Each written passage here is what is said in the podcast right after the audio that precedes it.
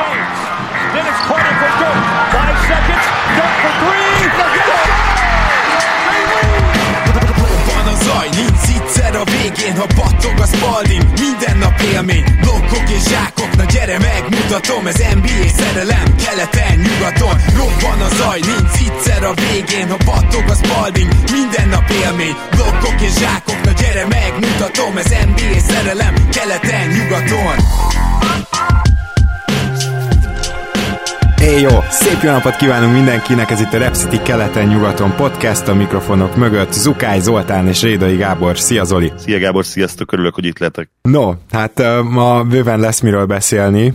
Végül is nem baj, pénteken nem jelentkeztünk, mert körülbelül annál mondjuk úgy egy nappal vagyunk előrébb valójában a tegnapi Denveri csodatételnek köszönhetően, de mielőtt ezekről beszélgetnénk, hagyd mondjam el nektek, hogy ma is van különleges támogatója ennek az adásnak, a jó öreg Menkév, Magyarország magyarországi helytartója a hobbi szobáknak, a saját szentélyeknek, hogyha lenne esetleg olyan tervetek, hogy egy saját olyan sarkot, szobát, pincét, bármit berendeztek, ahol a kedvenc hobbitok, vagy, vagy mit tudom, a kedvenc csapatotok mezei lesznek kirakva, esetleg a, a hobbitokat elég professzionálisan szeretnétek űzni, akkor szerintem forduljatok hozzájuk, és a kapcsolatfelvételnél, ugye menkév.hu, hogyha beírjátok, hogy keleten-nyugaton podcast, vagy Repcity keleten-nyugaton, akkor ingyenesen kapjátok megkapjátok majd az első látványtervet, úgyhogy mindenképpen megéri velük felvenni a kapcsolatot, mint ahogy számunkra is megéri általában felvenni a kapcsolatot Mészáros Péterrel, és most is ez történik, ez egy ilyen olyan adás lesz, ahol két vendégünk is van, és először Petit tudom bekonferálni nektek, szia! Sziasztok, köszönöm szépen a bearangozót, és tök jó, hogy itt lehetek. Bo- bocsánat, muszáj ezt a szóviccet elmondanom, amikor mondtad, hogy a hobbitokat professzionálisan űzte, akkor nekem Saruman neve jutott eszembe. Ő űzte. és tényleg.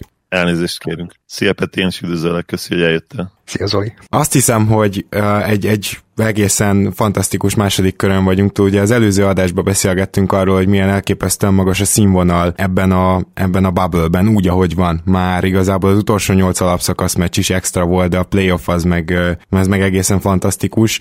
De muszáj kiemelnünk külön egy pár harcot, és az első csapat, akitől elbúcsúzunk éppen azért a Toronto Raptors lesz, mert a hatodik meccsig ez a párharc olyan színvonalat hozott, amit azt gondolom, hogy le- lehet, hogy, hogy az a 3-4-es Houston Golden State párharc óta nem láthattunk ilyen színvonalú csatát, és uh, nem, csak a, nem csak maga a színvonal volt elképesztő, nem csak az egyzői húzások, holott persze mind a két egyző ugyanúgy hibázott is, de, de itt már minden is megtörtént, és mind dramaturgia, dramaturgiailag, ha ki tudom mondani, elképesztő párharc volt, mint pedig, hát egyéni teljesítményekben úgy mondanám, de, de inkább csapat teljesítményt mondok, mert szinte minden mérkőzésen más tudott előlépni a két csapatból. Én azt hiszem, hogy erre a párharcra én, mint Toronto Drucker is sokáig fogok emlékezni, és ha már itt van egy Boston Drucker velünk, akkor megkockáztatom, hogy Peti te is. Azért akadt el a szavam, mert egyszer akarnék ezer dolgot mondani, és ez így értelemszerűen nem tud kijönni. Ez az volt, ez a párharc, amit az első pillanattól kezdve úgy, úgy álltam hozzá, hogy ez, ez, ez olyan kosárlabda, aminek minden percét látni kell. Tehát itt, itt, itt, nem, itt nem lehet belealudni negyedekbe, itt nem lehet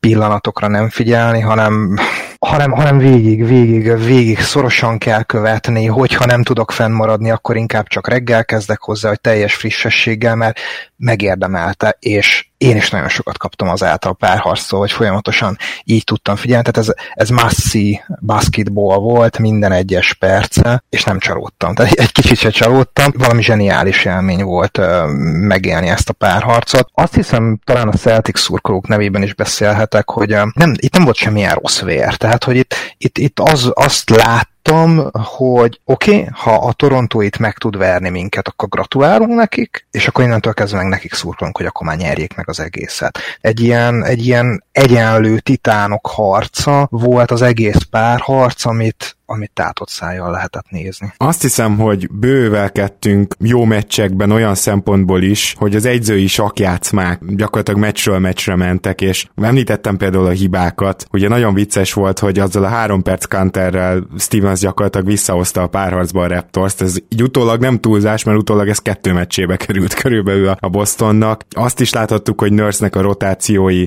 nem mindig ültek, mm, hát, hát itt, itt fel tudnék sorolni jó pár dolgot, például Matt Thomas is egy kicsit későn kezdte használni, de, de tényleg van egy csomó dolog pozitív, amire ráfókuszálhatunk. Zoli, neked mi a legemlékezetesebb, vagy mik a legemlékezetesebbek, akár mind, mind a két oldalról mesélhetsz? Nyilván az Anunobi tripla, ami a legemlékezetesebb lesz erről a párharcról. Elképesztő dobás volt, nem is a normál dobómozdulatával tudta ugye rámenni 0,5-nél. És ugye egyébként pedig nyilván a védekezés, ami, ami ilyen színvonalban kollektív a két csapattól, nem hiszem, hogy nem csak, hogy ebben a play de úgy ebben az érában nem is nagyon feltétlenül fog jönni. Ugye itt, itt konkrétan megtörtént az, hogy, hogy 90 pont alatt lett tartva például ugye Raptors az utolsó mérkőzésen. Majd beszélünk persze ennek az okairól, nem csak és kizárólag a védekezés, de nagy részt azért a védekezést kell majd kiemelnünk. De a Celticsnek is volt 93 pontos meccse, illetve amikor 100 felett is tudtak dobni a csapatok, azért akkor, akkor éppen hogy, nyilván kivétel természetesen a kétszeri hosszabbításos mérkőzés a, a hatodik meccs. És persze beszélnünk kell majd arról, hogy, hogy például a Raptors esetében uh, Siakam gyenge teljesítménye is kellett ahhoz, hogy, hogy ne teljesítsenek jól támadásban, azért összességében szerintem egyértelműen a védekezéseket kell kiemelni a, a két csapat részéről, és ez, ez üdítő színfolt volt, én azt gondolom ebben a mai érában, és nem hiszem azt, hogy nem csak, hogy ebben a play nem fogunk már látni hasonlót, ahol két csapat ennyire jól védekezik, hanem elképzelhető, hogy, hogy a következő években sem. Csak egyetlen adattal azt szeretném kiegészíteni, amit mondtál Zoli. A Toronto Raptors offenzív ratingje ebben a párharcban 100,3-as volt, ami eszméletlen alacsony száma a mai érában. A Boston Nation volt sokkal nagyobb, 106,4-es offenzív ratinget hoztak, de az azért, az azért mégiscsak értelmezhetőbb, ez a 100,3, ez, ez, ez leugrik a lapról, annyira, annyira, annyira meglepő, megdöbbentő adat. Na és én ezt szeretném egy kicsit megnézni, mert igazából nehéz elmondani, hogy ebbe a párharcban mi döntött, de alapvetően szerintem a Celtics védekezése nagyobb problémát tudott okozni a, a Raptorsnak, mint fordítva annak ellenére is, hogy nekem meggyőződésem, hogy, hogy a Raptors a jobb védőcsapat, vagy szóval, hogy a Raptorsnak volt nehezebb dolga a celtics -el. És ugye itt muszáj akkor megemlítenünk azt, hogy Pascal Siakam az egész bubble egyszerűen, hát nem csak simán maga el alatt teljesített, hanem mint a maga alatt is lett volna. Nagyon sokat köszönhet annak a Celtics, hogy egyébként kiválóan fogta őt Brown és Smart, hogy Siakam erőlködései után nem egyszerűen csak kimaradtak a dobások, hanem legtöbbször olyan csúnyán maradtak ki, hogy abból tudott is futni a Celtics, ami az egész párharca nem volt jellemző, ugye, hogy, hogy bármelyik csapat tudna futni. Sokkal több turnover volt például, mint ahhoz társítva turnoverből kapott pont. És Siakamnak a, a, az egyegyezései azok rendszeresen, mintha ajándékok lettek volna. És nem igazán tudok okot mondani, mert azt gondolom, jól védekeztek rajta, azt gondolom, hogy fáradt volt, de ennyire rossz teljesítményre ezek sem nagyon magyarázatok. Minden esetre Raptors drukkerként kisebb csoda csodaként éltem meg azt, hogy egy ilyen sziakámmal egy szoros utolsó percekben eldőlő hetedik meccsig vittük ezt a párarcot, és azt gondolom, hogy a, a, Sziakamon kívül nyilván Gasolt még fel lehet hozni, a, a, aki elképesztő mínusz támadásban most már, viszont, viszont a többieket meg meg lehet dicsérni. És védekezésben azt mondanám, senkivel nem, gondol, nem volt gond, tehát Sziakam se véletlenül játszott ilyen 50 perc fölött a két hosszabbításos meccsen. Ő továbbra is fantasztikusan védekezik, mit tudom, 10-ből 9-szer, de szóval így a Raptorsnak gyakorlatilag nem volt esélye, és szerintem elképesztő, hogy mit ki nem hozott Nurse ebből a csapatból. Most én, én így látom, hogy, hogy, hogy ezzel a mínusz Sziakammal egyszerűen talent fölénybe volt a Boston, és majdnem sikerült ezt is ö, ö, áthidalni, úgyhogy nagyon-nagyon büszke vagyok erre a csapatra ezzel a párharccal kapcsolatban. Hadd indítsak egy picit távolabbról, amikor elkezdtem nézni ezt a párharcot az első két meccsen, körülbelül az látszott, hogy eh, az edzők oda-vissza eh, reagálnak egymásra. Amikor az első meccs második negyedében kijött a Toronto először a zónájával, akkor gyakorlatilag pár labda birtoklás után Stevens azonnal időt kért, elmagyarázta, hogy akkor, akkor hogy is kell reagálni ezt a helyzetet, mit kell kezdeni. Még mindig a Raptors fölény megmaradt, változtattak egy picit mindkét oldalon, és talán három percre rákért újra időt Stevens, tehát nagyon gyorsan elmagyarázta a játékosoknak, nagyon gyorsan megpróbált belenyúlni a meccsbe. Tényleg meg volt az az érzés, hogy, hogy itt egy sakjátszma folyik, itt lép egyet az egyik edző, lép rá a másik, és ennek is volt következménye az, hogy mindent láttunk. Mert nem is, nem is abban láttam a sakjátszma nagyszerűségét, hogy, hogy tényleg mindenféle zóna, és, és akár a switching, amikor teljesen át a Boston, tehát hogy annyiféle edzői húzás került itt elő, small ballok, mikro small ballok, és a többi, de mégiscsak az volt igazán meghatározó a párharcban, hogy a váltások voltak folyamatosak. Tehát mindig reakcióra kényszerítette egyik csapat a másikat, mindig, amint valami működik, működni kezdett, gyorsan jött rá a reakció, hogy elvegyék azt a típusú támadást, ezért is volt ennyire izgalmas védő párharc, és, és talán az volt nekem egy, hát nem is csalódásnak mondanám, de picit valahogy, valahogy illúzióromboló volt, hogy egy, egy ilyen szintű taktikai párharc végén a hetedik meccs után mégiscsak azt éreztem, hogy egyszerűen az a csapat nyert, aminek a keretében volt két szkórár, aki bármikor nehéz kosarakat, nem bármikor, a raptors nem bármikor, de, de meg tudja oldani a nehéz helyzeteket kosárszerzéssel. Ugye Jason Tatum és Kemba Walker. A raptors nem volt ilyen játékos. És, és akárhogy nézem, akármelyik irányból közelítem, meg mégiscsak arra jutok, hogy körülbelül ennyi különbség volt a két csapat között. Az összes többi védekezésbeli és a többi az, az, az sokkal inkább nüansznyi.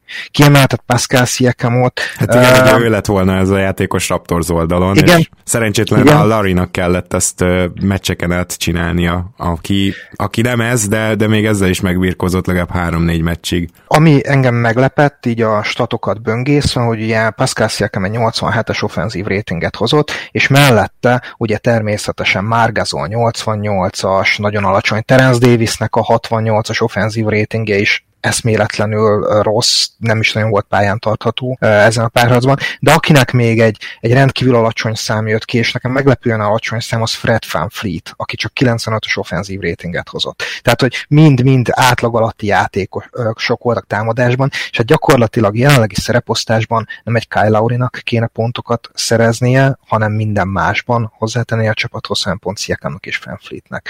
És hogy ők ketten nem tudták megoldani ezt a feladatot. A pályán látottak alapján, vagy a szemteszt alapján Fanfleet nekem sem tűnt annyira rossznak, ez az egy statisztika az, amin én is meglepődtem, de, de tulajdonképpen értelme van, mert, mert csak 18,7 pontot átlagolt, mert pedig valakinek pontot kell szerezni, tehát valakinek azt a 100 pontot is össze kell kalap, kalapoznia. Hát Lauri, Lauri volt, aki, akire egyedül számítani lehetett. Szóval banálisan le lehet, vagy, vagy ez egy banális leegyszerűsítése az egész párharcnak, de én máshol nem tudok különbséget tenni között a két csapat között. Én teljesen egyetértek azzal, amit mondtál. Szerintem Zoli is itt igazából ez, ez volt az, ami, ami időről időre, amivel a Boston felül tudott kerekedni, és még így is lehetett volna egyébként Raptors győzelme. A hetedik meccs az már olyan rossz színvonalba fordult, tehát annyira fáradtak voltak a csapatok, hogyha ott most két triplával több bemegy a Raptorsnak, akkor ugyanúgy a Celticsbe se lett volna szerintem meg az már, hogy onnan ö, fordítson. Hiába az, hogy Marcus Smart és Kyle Lowry a szívén viselte a saját csapatát, és, és hihetetlen teljesítményeket ö, hoztak le. Nem csak szám szerűen, tehát nem csak pontszórásban, meg nagy meccsekbe, hanem az látszik, hogy ugye ők tényleg azok a mentális vezérek a csapatnál, ami nélkül ez a párharc nem jöhetett volna létre. Tehát brought to you by Kyle Lowry and Marcus Smart. Nem tudom, Zoli, neked is ilyen érzésed volt, de ezt a két embert muszáj külön kiemelni, mert tényleg legendás produkciót nyújtottak küzdésben, hustle minden másban is, amellett, hogy pontszerzésben és szervezésben is. Laurit én, és azt hiszem, hogy te nevedben is beszéltek, Gábor, mi elég régóta underratednek tartjuk. Az az igazság vele kapcsolatban, hogy, hogy igen, persze kellett a, a Toronto Raptors, hogy belőle Hall of Famer legyen, ez nem kérdés, de ugyanakkor pedig azt is ki kell emelni, hogy, hogy ő azért bárhol másra egy nagyon jó játékos lett volna. Nem ilyen szintű, de, de ő megcsinálta volna a saját karrierjét, mint, mint későn érő irányító. És még visszacsatolva arra, hogy igen, leegyszerűsített persze, hogy, hogy a támadásbeli konzisztencia döntött, és a Celtics javára, mert nekik tényleg voltak olyan játékosaik. Egyébként nem is feltétlenül Kemba. Tatumot én itt abszolút kiemelném, mert minden csapattársánál jobban hozta azt, hogy, hogy mindig lehessen rá számítani, Kemba ebben nem volt annyira jó ebben a párharcban, és uh, ugyanez igaz Brownra is, aki triplázás terén is ugye megint visszatérve Walkerre ez rá is igaz volt, hogy triplezes terén nagyon-nagyon kiegyensúlyozatlanak voltak, de ez persze az egész Celticsre igaz volt Tédrumon kívül. 33%-kal dobtak a sorozatba, és hát akkor ne is beszéljünk ugye a szegény Raptorsról, ahol Fred Van Fleet is mondtad Peti, hogy hogy jött össze ez az alacsony offenzív rating, hát úgy, hogy 31%-kal triplázott, és bőven 40%-kal dobott a mezőnyből is, tehát ilyen 38% körül. Sajnos ez, ez, ez erre volt elég, és egyébként valahol csoda, hogy ebből szoros párharc lett, és ha megnézed a statisztikákat, akkor kérdezheted, hogy hát hogy lett ebből szoros párharc nyilván úgy, hogy kellett az a game free. Ha ott nem esik be az a csoda dobás, akkor nyilván lezárul az egész párharc valószínűleg öt mérkőzés alatt, és, és megposztottak volna minket ettől az egyébként hihetetlenül színvonalas csatától végül. Meg attól a hatodik meccstől. Na igen, még erre reagálnék a Kemba Walker történetre, hogy, hogy szerintem valahol joggal emeli ki Peti Kemba Walkert is, mert a Raptors ugye nem Tatumot választotta, mint a nekünk legfájóbb pont, hanem Walkert, és Walkert fogta ki a, a box, tehát a doboz plusz egyes zónával. Walker volt folyamatosan a kb. harmadik meccs után ellehetetlenítve, és nem Tatum, tehát a Raptors egyszerűen úgy volt vele, hogy Tatum és Brown megverhetnek, csak ne Walker verjen meg, mert ő szervezni is tud. És tudom, hogy Brown és Tatum is előre lépett, Tatumnak talán 9 asszisztos meccse is volt, de még ebben nem egy kategóriák, messze nem Kembával, és szerintem ez jó döntés volt a Raptors részéről, hogy végül, végül a csapat, ellenfél csapatának legnagyobb szupersztárja, támadó szupersztárjaként Kembát választották, és őt vették ki, és én úgy érzem, hogy ez működött ebben tévednek, tehát majd meglátjuk, hogy hogy alakul innen, de én azt gondolom, hogy ez a játékos ma már azért egyértelműen térum. Ezt értem, de a Tatum azért a legjobb játékos a Celticsnek, mert közben jól is védekezik. De a legnagyobb szervezőerő a támadásban még mindig Kemba. Hogyha neki megy, akkor az azt jelenti, hogy a csapat is megszórja magát. Az, ez egy nagyon magas offenzív ratinget jelent, mert ő nem csak egy scorer, és szerintem ezért volt ez jó döntés, mert... Ez, ugye... Egyetértünk, nálam Térum ma már támadó játékosként is jobb, mint, mint Kemba, de hozzáteszem, hogy én Kembát egy kicsit túlértékednek tartom, tehát lehet, hogy itt egy kicsit szőrösebb szívű vagyok, mint egyébként kellene lennem. Benne van a pakliban, meg szerintem az is benne van, tudod, hogy egyszerűen lehet, hogy már jobb játékos, de szervezésben még akkor sem az, és egyszerűen ez alapján kellett döntenie valahogy, valahogy Nick Nurse-éknek, én úgy, úgy érzem, és most őszintén, ha akár Kembát, akár, volt egy meccs, amikor Tétumot fogta ki a Raptors, és akkor szar meccse volt Tétumnak is, tehát ő sem foghatatlan, de hogyha, hogyha választanod kell, akkor nem a 12 asszisztos irányítót próbálod meg kivenni? Most ezt Petinek is dobom így tovább. Bocsánat, hadd szóljak már közben. Annyit szeretnék hozzáfűzni, hogy Tétumot mindig kivette a Raptors akkor, amikor beduplázták. Tehát, hogy le lehet őt venni a pályáról, nem tart még ott, hogy foghatatlan legyen, de hát Hardent is le lehetett venni a duplázással, viszont Kembát egy sima box plus vannal ki tudta venni. Uh, azt hiszem Norman Powell fogta nagyon sokszor.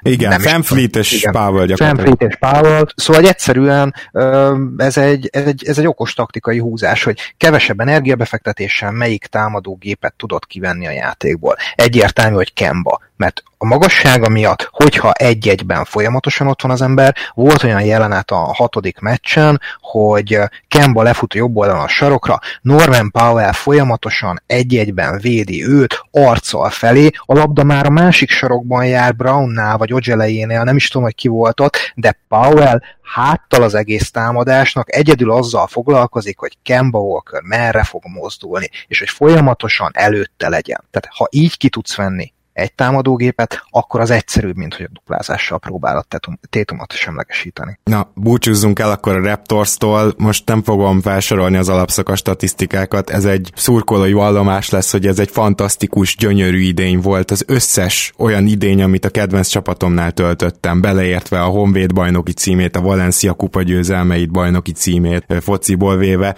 vagy a Raptors elmúlt 10 pár évét, beleértve a tavalyi bajnoki címet. Ez volt a a legnagyobb élmény számomra ez a szezon, ez a mostani egész életemben, a legnagyobb szurkolói élmény, és ez pedig pontosan azért volt, mert elment tőlünk egy egy évre megérkező szupersztár, és mégis bajnok esélyesek maradtunk, és igazából most sajnálhatnám, hogy jaj, ha Sziakam tényleg nem így jött volna a bubble akkor, akkor lehet, hogy most arról beszélgetnénk, hogy a Raptors épp hogy fogja megverni a hítet, de, de nem erről beszélgetünk, ez, ez nem baj, mert ez egy tehát olyan zseniális élmény volt számomra ez a szezon, és szerintem minden Toronto drukkernek is egy kicsit ez, ez benne van, hogy, hogy ez, egy, ez egy jutalomjáték volt, és fantasztikus volt őket követni, szóval én így búcsúznék az idei Raptors-tól. A Raptors az egy mérhetetlenül szimpatikus uh, csapat volt számomra mindig is. Most ezután a párharc után pedig talán még jobban. Így az a, az a tisztelet, amit a játékosokon láttam egymás iránt a pályán, az kicsit így szurkolóként is rám ragadt.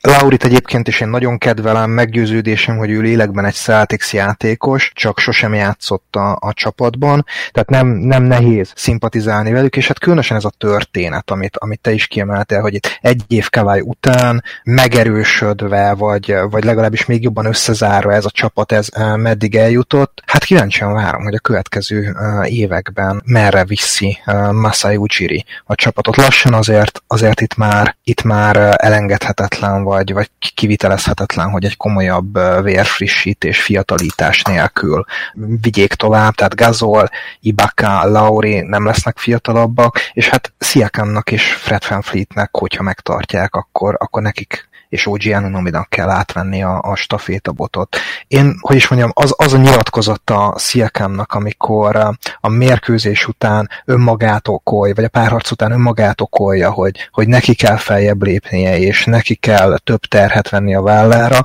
az kicsit el is altatta azokat az aggájaimat, hogy, hogy akkor Sziakám ennyi, és ő, ő ez a játékos, és, és 26 éves koráig egy csodálatos fejlődési ívet tudott bemutatni, de, de talán itt már sok lesz neki az egyel nagyobb szerep. Most megint egy picit elhiszem, hogy, hogy nem, hogy ő még oda tud rakni egy-két olyan nyarat, amikor, amikor, amikor töretlenül fejlődik, és, és hát az ő vállára lehet építeni az új Raptors-t, inkább az ő vállára, mint Janis Antetokounmpo vállára, ugye még mindig, még mindig Siakam a realitás, de, de kétségtelenül itt most érdekes évek jönnek. Lehet, lehet hogy most egy-két évig nem lesz ilyen magasan már ez a csapat, de, de nagyon kíváncsi vagyok, hogy merre fog menni Ujiri. Én, én Raptors jövőjéről most nem is mondanék semmit, két dolog miatt egyrészt, mert uh, én ezt nem feltétlenül látom annyira pozitívnak közeljövőt, de majd erről beszélünk az off-season során, hogy mit, mit érdemes csinálniuk, meg tényleg hogyan fest az egész. Viszont ennél sokkal fontosabb, hogy, hogy nem akarom le, lerontani tényleg azt az örömöt, amit Gábor jelző, nem is tudnám. Szerencsére nincs befolyásom erre, mert tényleg hihetetlen jó szezont hoztak, és,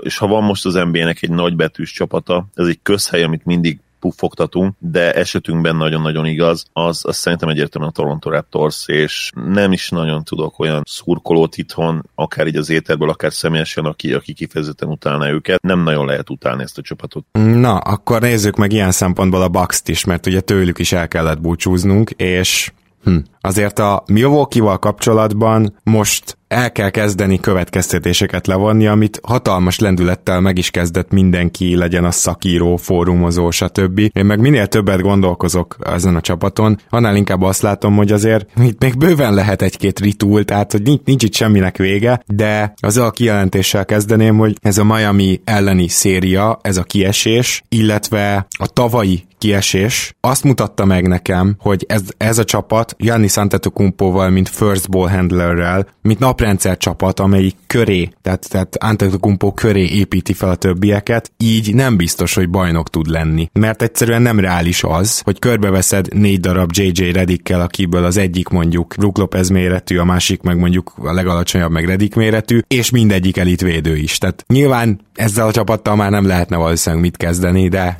de mindenki, mind, mindenki, tehát, tehát minden más esetben azt kell, hogy mondjam, hogy, hogy jelen pillanatban nem látom azt, hogy Jannis, mint first ball handler bajnoki címre vezeti a csapatát. Egy Zolit kérdezném előbb, Zoli, te látod-e? Én látom magam előtt, de, de az nem ilyen organikusan nagyon könnyen fog jönni. Tehát az úgy jönne valószínűleg, hogy összeraksz, mennyi most Janis 25, összerakod neki a következő 7-8 szezon ilyen csapatát, amelyik ugye magas net rating, 60 plusz felett nyernek, és előbb-utóbb nagy szerencsével valahogy nyernek egyet. Tehát ilyen borzasztóan kiszenvedős módon, ami egyébként lehet, hogy hasonlítanak például az én mavericks példájára, ahol ugye soha, soha nem tudtok körbe menni Dörköt egészen talán a 11-es csapatig, pontosan olyan játékosokkal, akik, akik ugye mellé nagyon szuper fitek lettek volna. Ilyen volt Tyson Chandler például, aki akkor már talán nem volt a peak formájában, de nagyon közel volt hozzá, illetve ugye shooterekkel megint csak, mert Dirk mellé is nagyon jól illettek a shooterek, de hát ugye ki mellé nem illenek jól a shooterek. Szóval maximum így, ahhoz, hogy hogy ténylegesen olyan contendoré váljanak, amelyik minden évben ott van a tűz közelben, és több döntőt játszik mondjuk öt éven belül, és nyer kettőt, hármat, na az jelen pillanatban nagyon-nagyon esélytelennek tűnik, és ahhoz egyértelműen átstruktúrálásra van szükség, vagy nyilván Janisnak cserélnie kell, cserét kell kérnie, és akkor egy másik csapatba tudja ezt megvalósítani. Azzal maximálisan egyetértek, hogy a mai NBA-ben, és ez Ben Simmonsra is igaz, őt is ide citálhatjuk, nagyon valószínűtlennek tűnik az, hogy ők, mint legjobb játékos nem, ez nem, nem feltétlenül Jánisz nem igaz, Simonsra igen, de mondjuk Jánisznál, mint, mint első számú Bohandel. Kell mellé egyszerűen egy, egy, egy playmaker, egy kreátor, Szia Szemi nyerte a match, és nekem meg is van a tökéletes tervem erre, ezt tudjátok talán már, úgyhogy ha, ha engem kérdeztek, én tudom Janis számára megoldást, csak az sajnos nem Milwaukee-ban fog megtörténni az én szenáriumban. Na igen, hogyha megnézem a Bucksnak a keretét, akkor igazából ezt úgy építették föl, főleg amikor Budenholzer annyira ragaszkodott Bledsoe megtartásához, hogy igazából védekezés kell köré, meg, meg legyen pár úgymond félig meddig second ball handler kreátor, mert úgy tűnt a Bucksnak, hogy ugye menni fog ez úgy, hogy Janis kezébe van a labda, és erre először a Raptors száfolt el, ö, aztán viszont utána már voltak ilyen ag- aggodalomat keltő jelek. Ugye a brazilok, a brazil görög is ilyen volt, hogyha emlékszik valaki a tavalyi világbajnokságra, ahol ugye lenyilatkozta a brazil egyző emlékeim szerint, hogy mi láttuk, hogy hogy kell Jannis ellen védekezni, úgyhogy nem aggódtam. És ez van, a playoffban ez a védekezés, ez működik ellene, és utána csomóan elővették például middleton is, ami teljesen nevetséges, tehát hogy most Janis mellett ő egy 3 emberként van használva. Ugyanúgy, mint ahogy most Paul George is egy 3 emberként van használva a Clippersben. Most ez nem Middleton hibája, akit jobban elő lehetne venni, az Bledsoe. Mert ő úgy mond irányító, és őt láttuk már jó pick and roll irányítónak a Phoenixben. Nem tudom, annyira rég volt, hogy lehet, hogy nem is emlékeztek rá, de én egyáltalán nem emlékszem rá. Oké, okay, pedig, pedig ez tényleg, tehát hogy ő, ő, neki volt pick and roll játéka, és kész, vége. Az, az most nincs. Bledsoe konkrétan playoff körülmények között uh, George Hill cseréje ideális esetben, és ettől még nagyon jó védő maradt, csak ez, ez nem fér bele támadásban, hogy Bledsoe fent legyen a pályán. Őt jobban meg lehet találni, és itt, itt el kell akkor gondolkozni azon, hiszen a Bucks nyilván minden áron meg akarja tartani Antetokumpot, hogy akkor Bledsoe-t majd el kell cserélni, mégpedig ahhoz már valószínűleg egy pikket is, vagy kettőt hozzá kell rakni, hogy jó játékos jöjjön, vagy benyelni Chris Paul hatalmas szerződését, akkor valószínűleg csak össze kell rakni a pénzt. De, de ezek az opciók vannak. Peti, te, te mit látsz? Egyrészt a Bucks szezonjának tanulságaként, másrészt meg így a jövőről is beszélj egy kicsit, kérlek. Közben, közben szúrhatok még Peti előtt, bocsánat, tehát itt majd erről is beszéljünk már, és szerintem fontos ide, ugye nagyon sokan párhuzamot vannak a korai kevsz és ugye Jannis és LeBron között is, de én azon gondolkodom, hogyha adtál volna a korai LeBronnak egy, egy Middleton-t, meg mondjuk egy Brook Lopez-t, meg még sorolhatnám. Ne röhögtes. Hát az, az egy kategóriával jobb csapat. Igen, tehát stílusban hasonlóak, én értem, de, és itt meg felmerült tényleg az a kérdés, hogy lehet, hogy egy kicsit túlértékeltük Jániszt az elmúlt két év alapján, és akkor ezzel vissza is dobom nektek a labdát, majd Gábor tőled is várok erre egy választ. Köszönöm igazából a gondolkodási időt, még mindig azon vívódom, hogy mit válaszoljak arra a kérdésedre, Gabi, hogy, hogy, hogy Janis first ball handlerként lehet-e egy, egy bajnok csapat alapja.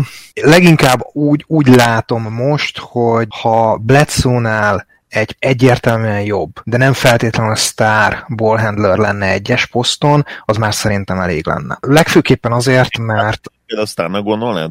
Kem, Kembát itt már például sztárnak mondanád? Tehát Kemba szint vagy még alatta? Igazából szerintem egy Kemba szintre sem lenne feltétlenül szükség. Tehát mondtad, mondtátok legutóbb ezt a Dinvidi vonalat. Ah, nekem az nagyon izé benne van az a, Tehát, hogy, hogy egy, egy, egy, Dinvidi szint, sőt, talán még egy Ricky Rubio szint is, is elég lehetne. Aki, jó, már neki nem biztos, hogy olyan sok van belőle, de hogy, hogy egy ilyen átlagkezdő irányító szint körüli, tehát hogy, a, hogy ilyen top 15, top 20-as irányító az NBA-ben, Bledsoe helyén, aki szerintem megszerezhető Bledsoe plusz pikkek csomagért. Most nem tudom pontosan, hogy ki, de megszerezhető talán Dinwiddie a, a, leg, a legmagától értetődőbb. De szerintem ez a szint elég lenne ide, és nem is, nem is a talent mennyiséggel van a baj, hanem, hanem azzal, hogy Middleton egy, egy 3 játékos, aki egyébként egy tök jó secondary ball handler uh, lenne. Az, hogy amit, amit a Toronto Celtics párharcban kiemeltünk, hogy folyamatosak voltak a változtatások, az, az hogy, a, hogy az ellenfelet reagálásra kényszerítette a két edző.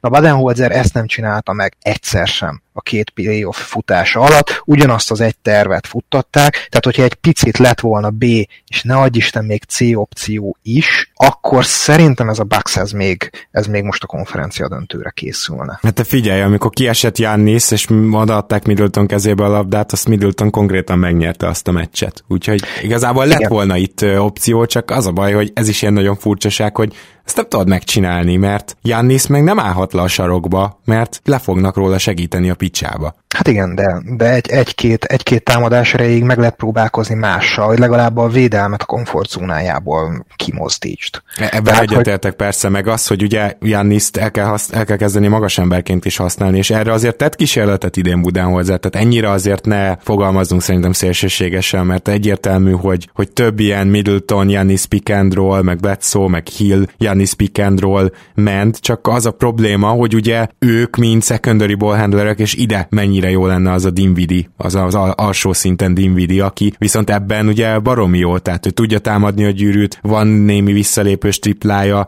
és jól passzol és, és akkor viszont már ezt nagyon nehéz megfogni, hogyha Jannis a rollman. Ugye Anthony Davis tartják a legjobb rollmannek a, a ligában, de azért Jannis, ha megnéznénk ilyen szerepbe, akkor gyanítom, hogy, hogy hozzám érhető lenne. Abszolút. Én, én ezt nagyon adom. Én Sam a Game Theory podcastjét szoktam nagyon sokat hallgatni, és most a legutóbbi adásban Seth Portno volt a, a vendég, aki azon túl, hogy az Athleticnek az írója, korábban dolgozott azt hiszem beatwriterként a Milwaukee Bucksnál is, ő fogalmazta meg azt, hogy talán az a legnagyobb problémája a jelenlegi csapatnak, hogy tripla fenyegetést jelentenek a, a játékosok, akik, akik körülveszik Janiszt, de igazi fegyverként nem használhatóak. Tehát ők a weapon threat kifejezéseket vetette össze, és hát gyakorlatilag ez le nagyon egyszerűsítve annyit jelent, hogy, hogy nem elég jó triplázók azok, akik körülötte vannak. A 3 és a D aránya nem tökéletes, mert lehet, hogy egy kicsivel kevesebb D, de több, több 3 az, az, az hatékonyabb lenne. Tehát például Bledsoe ezért sem ideális fit ebbe a csapatba. És a másik, amit meg veszeni tett hozzá, és ez neki veszőparipája, hogy Brook Lopezzel a Bucks uh, gyakorlatilag csak drop coverage-et tud csinálni roll ellen, ugye bevédik a festéket, és a másik Lopez sem olyan center, Janis lenne, hogyha centerben játszatná Badenholzer, az a center, aki, aki switchable és egy másabb típusú védelmi sémát is lehet köré építeni, mert azok a csapatok, akik csak drop coverage-re építik a védekezésüket, a playoffban nem biztos, hogy, hogy ma már nagyon sokáig tudnak eljutni. Tehát legalább, legalább az opció kellene, hogy meglegyen másra. És itt hozzá kell azt tenni, hogy, hogy López támadásban rohadt jól játszott ebben a párharcban. Tehát mi lett volna, hogyha, hogyha Lópeznek egy sokkal gyengébb dobó, dobóként egy sokkal gyengébb szériája van. Tehát lehet, hogy még nagyobb verést kapnak, és azt láttuk ugye a Dragic pick and rolloknál, de amikor Butler átvette a szerepet akkor is,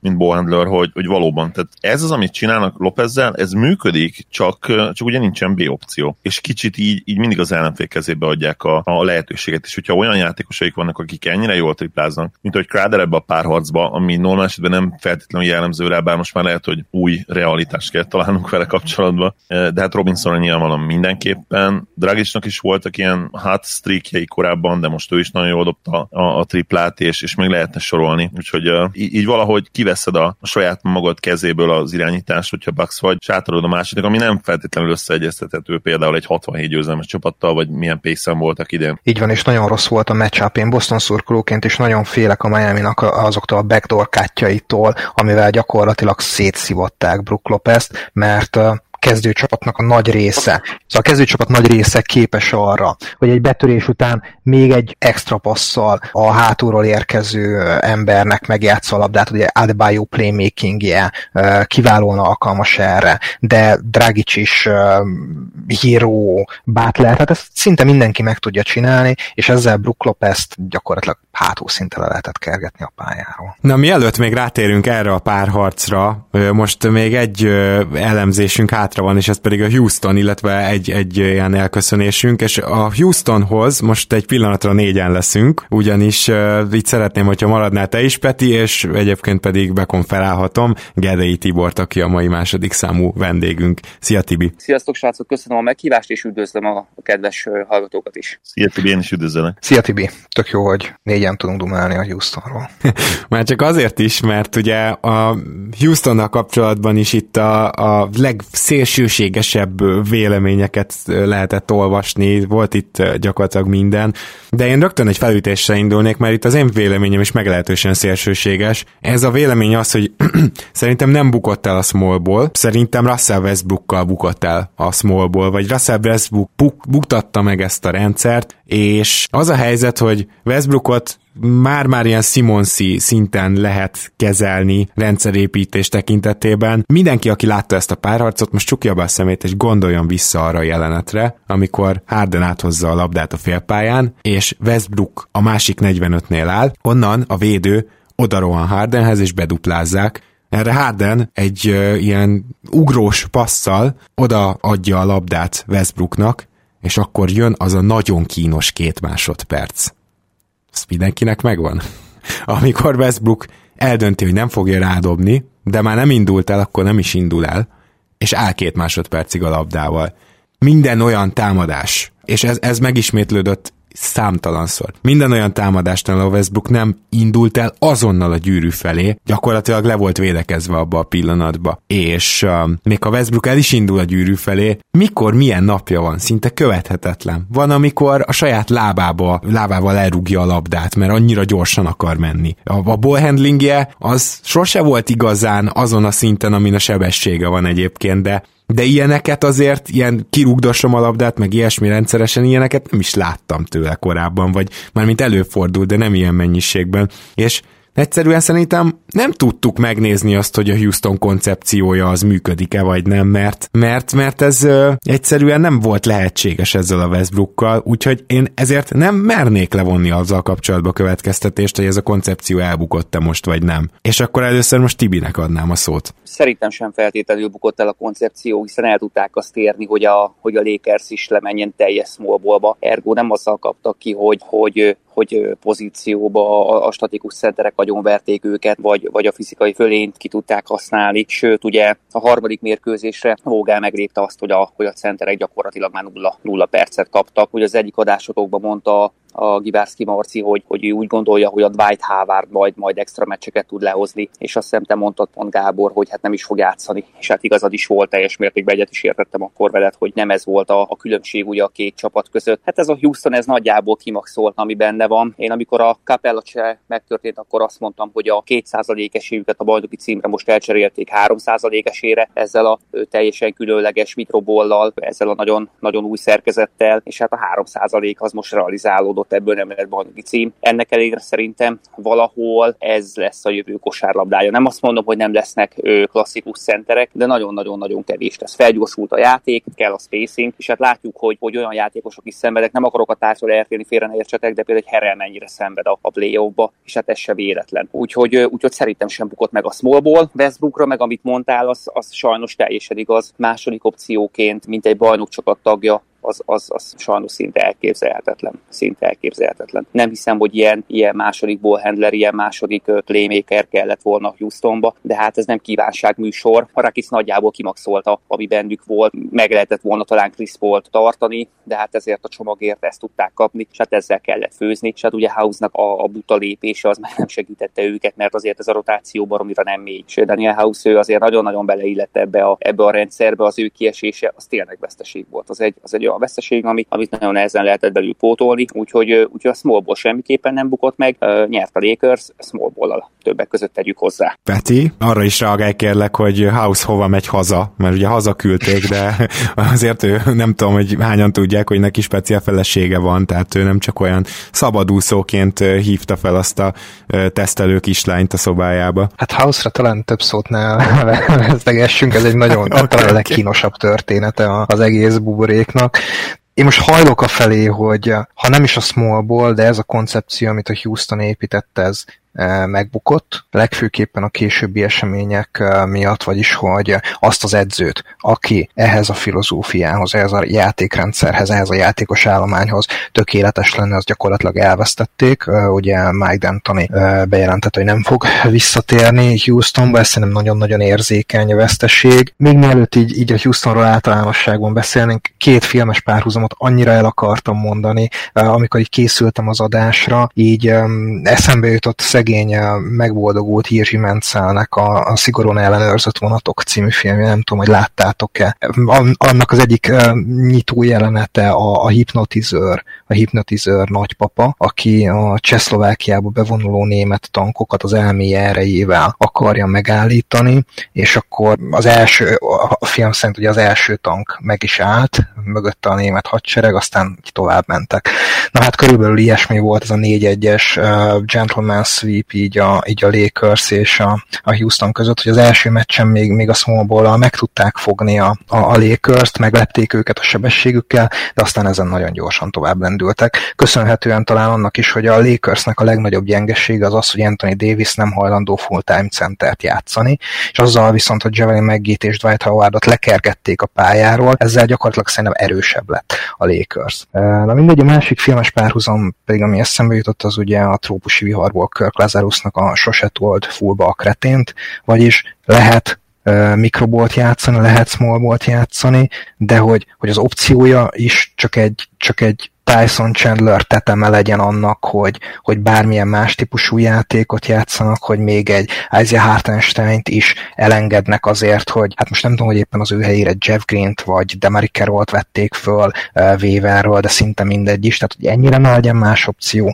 ez ilyen kicsit öntököndöfés. Na, akkor azért itt van egy némi ellentét, tehát te inkább azt mondanád, hogy megbukott ez a koncepció. Zoli, akkor te leszel a bíró, hogy, hogy szerinted megbukott, nem bukott meg, mi történt? Felmerült párszor nálunk a Smallból az adásban egy külön témaként is, és én mindig azt mondtam, és most tökre örömmel láttam, hogy D'Antoni nyilatkozatából ugyanez köszönt vissza, hogy a Smallból akkor működik, amikor nem, nem ténylegesen kicsi játékosokkal tudod játszani. És ugye D'Antoni is ezt nyilatkozta a lakers kapcsolatban, hogy persze van ez a kettő darab csatár, ugye Anthony Davis és LeBron James, akik bár, bárki ellen tudnak védekezni, egytől ötig kis túlzással nyilván, LeBron azért ez ma már nem igaz, Davis is soha nem volt igaz, de mondjuk kettőtől ötig mindenképpen, és hogy persze, akkor működik, és teljesen igaza van, viszont én felteszem a kérdést, most akkor ez small ball? Tehát a, mondta Tibi is, hogy a Lakers small ball játszott, szerintem nem játszott small ball a Lakers, hogyha fenn van Anthony Davis, aki 7 láb magas, fenn van LeBron James, akit 6-8-nak listázunk, de igazából 6-9, és fenn van az a Markif Morris, akit ugye beraktak a kezdőbe az utolsó két meccsre,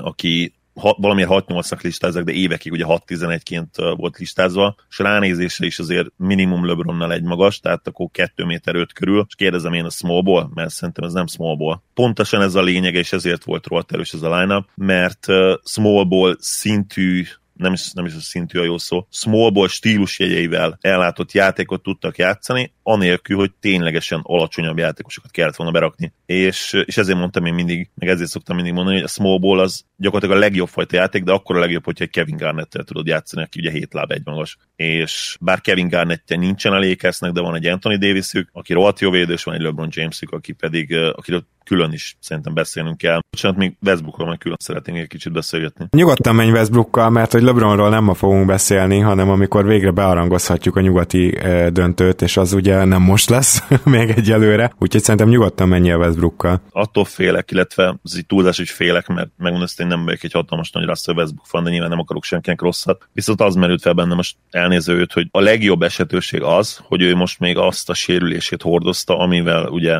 ki kellett hagyni a, a playoff egy részét, és én azt nem tudom, mert azért 2017-re vissza tudunk menni, ami, amit mondjuk a PKV-nek mondanak, szerintem nem feltétlenül az volt, mondjuk nálam azt hiszem 2000, most nem tudom fejből 2015 talán még jobb volt, az MVP événél is, mindegy. Szóval, hogy onnan azért meg, megfigyelhető egy, egy, egy erős zuhanás. És itt az a kérdés, hogy itt most tényleg ő még esetleg hordozta ezt a sérülést tovább, ami miatt ki kell adni a play felejét, vagy ez már egy 2017 utánig visszavezethető fizikai lecsúszás, mert az utóbbi, akkor nagyon nagy baj van. És ez a szerződés, amiről most azt gondoljuk, hogy esélytelen, hogy ténylegesen megdolgozzon érte, és impactben a, az értékét valamennyire akár meg tudja közelíteni a pályán, mert ha, ha ez fizikai lecsúszás is, akkor meg tényleg ilyen John Wallról beszélünk, csak az Achilles sérülés nélkül. Arról a John Wallról egyébként, akiről ragyogó videó jött ki, két napja gang jeleket dobálta a videóban, meg elég, elég komoly társaságban volt, na katasztrófa.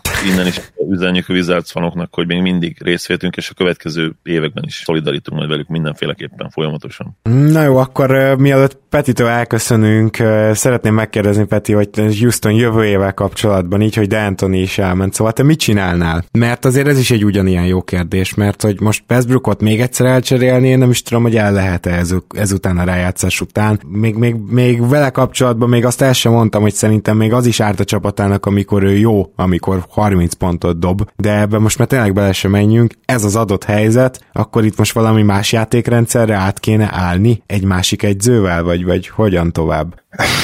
Nem elegáns, hogy kihasználom az alkalmat, hogy egy egy régi, egy régi vitát előhozzak, de Daryl Morit én nagyon tisztelem, úgy ért a CBA-hez, ahogy, ahogy szinte senki ebben a ligában, viszont Viszont én őt azért nem soroltam soha a top 3-4-5 GM közé, mert kicsit az az érzésem vele kapcsolatban, hogy túl gondolja a dolgokat, és mintha nem látná a fától az erdőt. Az, hogy Westbrookért cserélt, az, az szerintem egy pont ilyen húzás. Tehát, hogy ez a talent majd megoldja, a talent majd kijön, van két MVP a hátvét sorunkban, mi baj lehet, de, de talán ez már tavaly is látszott, hogy, hogy Westbrook és Harden egyszerűen nem, nem, nem fog igazán jól működni együtt, nem magától értetődő az a kapcsolat, ami, ami közöttük a pályán lehet. Így... Na várjál, ma meglettem félig meddig szólítva, én szánom bánom, hogy annó beraktam top 3-ba Morit, tehát igen, ne, nem, nem lesz ettől szar GM, de, de teljesen egyetértek a kritikával, és ma már én se, én se raknám be a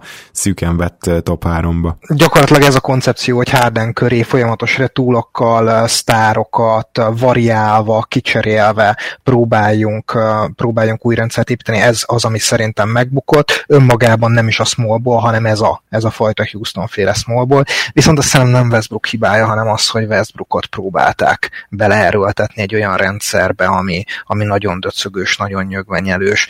Hát én a, a között, a, a két véglet között mozgok, hogy, hogy lehet, hogy itt James Harden-t is el kellene cserélni, és egy teljes újraépítést, hogy mint ahogy a Memphis megcsinálta a Bostonnak adott pikével, hogy mire ki kell fizetni Russell Westbrookot 2025-ben, addigra már túl legyenek egy, egy ritúlon.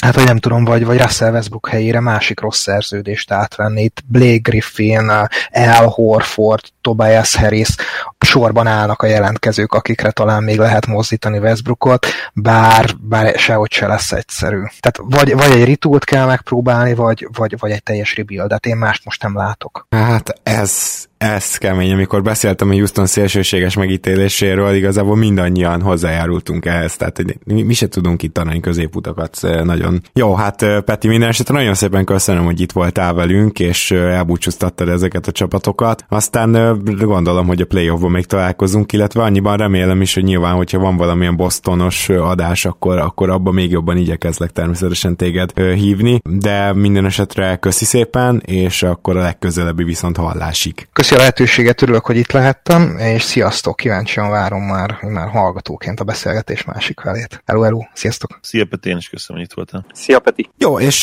nem tudom, még esetleg a Houston témába, hogyha akár Zoli, akár Tibi, bármelyikötöknek lenne még egy kis hozzáfűzni való, azt még most legyünk rajta túl. Én annyit szólnék hozzá, hogy egyetértek azzal, hogy, a, hogy nem szabad fullba tolni a kretént.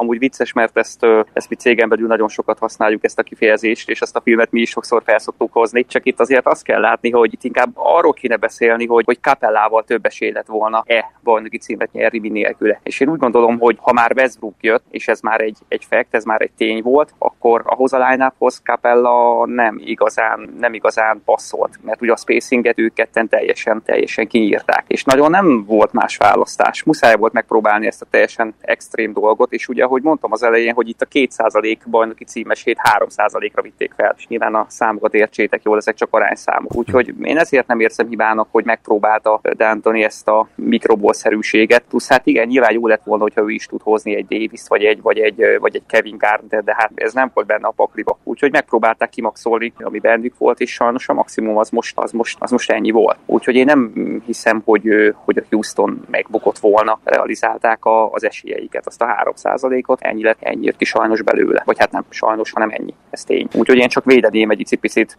icipicit D'Antonit.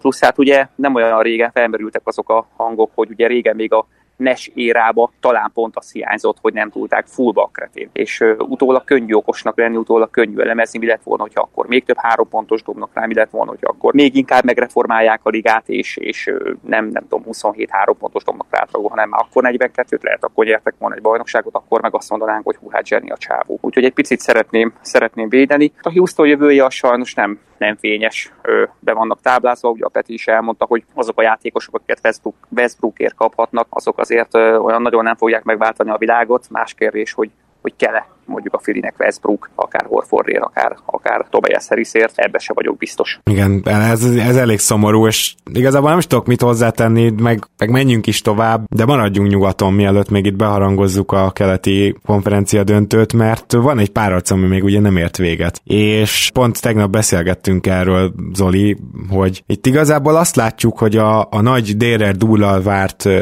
ö, csapatok, a top 4, top 5 csapat közül fel lehet tenni a kérdést, hogy ki tud olyan igazán konzisztensen támadni, mert a Clippers egészen biztosan nem, sőt, sőt, sokkal erősebb jelzőkkel is illethetnénk. lakers is látjuk, hogy azért nem egy támadó powerhouse, tehát nem egy, nem, nem, nem egy ilyen támadó tank a Lakers, és, és ugyanezt láttuk a Raptorson is, boston is eléggé le lehet szedni, hogyha megvan rá megfelelő emberanyag, és, és igazából a Miami az egyetlen olyan igazi támadó csapat, aki most bent van. Tehát, hogy ez tök durva, nem? Tehát, hogy, hogy hogy is fogalmaztál, Zoli, hogy igazából most nincs all-time great csapat bent, mert nincs olyan gárda, ami elől-hátul elit tud lenni. Így van, és ez nem azt jelenti, hogy nem izgalmas, vagy nem jó ez a playoff. Nyilván a korona miatt egy, egy teljesen különleges és, és korábban nem látott történetről beszélünk, de, de az igazság, hogy, hogy nem látom azt a csapatot, amelyik mondjuk ilyen historikus szinten nagyon-nagyon erős lenne. A Clippersben meg lenne ez potenciálban, ez nem kérdés. Nagyon-nagyon mély a keretük, és pont azon a két poszton rohadt jók, ami ugye a mai ligába kell. Viszont, hogy milyen okból, de azt nem tudjuk, csak találgathatunk, de nem álltak még úgy össze. Nincsenek a teljesítő képességük maximumánál, és, és ezért nem, nem tudnak kiemelkedni. Í- így szerintem van most jelen pillanatban azért egy, hát kettő-három olyan gárda, amelyik, amelyik nagyon jó, de nem, nem historikusan jó, ami nem baj egyébként, mert erre vágytunk gyakorlatilag mióta, tehát nagyon régóta. Persze, Visz... tényleg nem panaszkodásként mondjuk, csak érdekes megfigyelni. Igen, hát most így szaladjunk, mert tényleg talán érdekes lehet így két percben szaladjunk már végig, hogy melyek voltak azok az évek, amikor amikor ez a paritás az ilyen szinten meg lehetett. Szerintem 2011, ami ugye egyértelmű, utána jött a Warriors korszak, előtte, sőt, igen, utána még ugye a Heat és Warriors korszak gyakorlatilag elvitte az egész évtizedet. Előtte ugye a 2000-es évek, ott a Lakers az elején, Spurs azért nagyon sokszor kiemelkedett, Celtics mondhatjuk azt, hogy bár egy szezonos, de, de legendásan jó csapat, amelyik szintén szenvedett persze a play de, de azért arra a csapatra mindenképpen az all-time great jelzőt oda nyomnám, és most idén nem valószínű, hogy van ilyen csapat, úgyhogy, és nyilván talán visszamentünk még a 90-es évekbe, ahol a Bulls uralta, de semleges szurkolóknak én azt hiszem, ez nagyon-nagyon jó, izgalmas a playoff, de akik mondjuk ilyen, ilyen purist szia személy még egyszer, tehát ezek a nagyon nagy műkedvelők, ők lehet, hogy hiányolják ezt a, ezt a típusú gárdát, amelyik azért a legtöbb évben szerintem szokott lenni az NBA-ben, és idén valószínűleg nincs. Igen, és ugye ezt a gárdát megverni is jó. Tehát ez, az, is, az is benne van, hogy a, a Raptors szempontjából is nekem rohadt jó volt, hogy na mi vetettünk véget. Igen, Tehát, hogy ez azért jó érzés volt. Egy ilyen gárda a kihívás is, és ha valaki meg, mégis megveri, az pont ugyanannyira nagy szám, mint amikor mondjuk egymás után nyernek kettőt. Úgyhogy e, ennek ilyen több dimenziója van, hogyha van egy ilyen gárda. Na de miért nem tud összeállni a Clippers, Tibi? Akkor erre próbáljunk már megkeresni a, a választ, mielőtt nagyon megdicsérjük a Denvert, mert azért mi is érezzük, hogy, hogy itt potenciálra, védekezésben, meg támadásban is följebb kellene lenni egy picit a Clippersnek, mint a Denvernek. És, és és nem, nem ez van. Hát először reflektálni kettőt, az egyik a, a raptors ennek nem fog szörülni, de azért nem gondolom, hogy a Raptors ezt megcsinálta, mert az a, az a Golden State már nem az a Golden State volt, amelyik all-time Golden State, azért ezt, ezt azért szerintem lássuk világosan. A hát azért az összes az, ilyen hogy... csapatnak így vetnek véget, nem? Tehát, hogy valami már nem a régi, vagy jön egy sérülés, tehát egy olyat, nem nagyon látsz, ami úgy lesz dinasztia, hogy a dinasztia csúcsán megverik, a Cleveland ezt megcsinálta egyébként a Golden State-tel, de ez nagyon ritka. Igen, például a Bulls szerintem ez került el pont. Tehát szokták mondani, hogy miért nem hozták még vissza a 98-as bajnokcsapatot még akár egy évre. Nyilván azért, mert ugye tudjuk, hogy, hogy Kraus milyen volt, de ugyanakkor meg jó eséllyel, és nagyon jó eséllyel ezt tudták elkerülni, hogy ez megtörténjen, hogy ténylegesen ledöntsék a királyokat. Tehát ebbe is van valami szép, amikor egy csapat úgy, úgy esik szét, hogy egyébként még a legjobbak voltak. Sose tudjuk meg, mi lett volna, de, de szerintem nagyobb esély lett volna arra, hogy, hogy ledöntötte volna valaki ezt a trónt. Így pedig mondhatja azt a, a, az, a fél, az a Bulls meg Jordan is, ugye, hogy hát gyakorlatilag ők, őket csak a vezetők tudták szétszedni, és egyébként ők voltak a legjobbak, ami, ami szintén igaz, hozzáteszem, és ezt be is lehet bizonyítani. Sőt, egyébként meg a Golden State is van egy olyan esélye, hogy jövőre visszatérnek, és aztán alapos meglepetésben részesítenek mindenkit, még ha én, én speciál ebben nem is hiszek, azért az esélye nyilván megvan, tehát akkor nekem is egy évre szólt ez az érzés a Raptorzal kapcsolatban. De Tibi mondtad, hogy van egy másik is, amire szerettél volna még reagálni. Mondtátok ugye, hogy a bent lévő csapatok közül egyik sem all-time, all-time great. Abszolút egyetértek, de picit most úgy gondolom, hogy ez azért is van, mert úgy közelebb vannak a csapatok egymáshoz. Nyilván ezzel most nagy titkot nem árultam el, de, de, de nincs olyan szakadék az első nem tudom, nyolc csapat között, mint ahogy az utóbbi években volt, és én, én ezt kifejezetten élvezem. Szerintem ez egy brutálisan élvezhető playoff, nem is tudom, hogy mikor élveztem ennyire utoljára playoffot, amikor, amikor tényleg nem számít, hogy ki, a, ki az esélyes egy párharcban. Én nagyon-nagyon élvezem. De rátérve a Clippersre, hogy ott mi lehet ugye a, a probléma. Ugye évközben rengeteget beszéltük azt, hogy, hogy nem igazán láttuk a Clippers-t még, még maxon pörögni, és hogy nem tudjuk, hogy mi lesz az, amikor maxon pörögnek. Ha megnézzük, hogy most mi hiányzik a, a játékukból, hát a támadásukból a playmaking teljes mértékben hiányzik. Ugye egy ISO-ból játszanak gyakorlatilag, gyakorlatilag száz százalékban, illetve kijönnek azok a dolgok, hogy, hogy a load management miatt például Lou Williams olyan perceket kapott a szezonban, amik, amik tényleg neki voltak számba. Amikor ő volt az elsődleges ballhandler játszatta a pick and rollokat a cserepadok ellen Herrerrel, és ez nagyon-nagyon-nagyon jól működött. Most, hogy a rotációk leszűkültek, és együtt van a pályán Paul george és, és Kawhi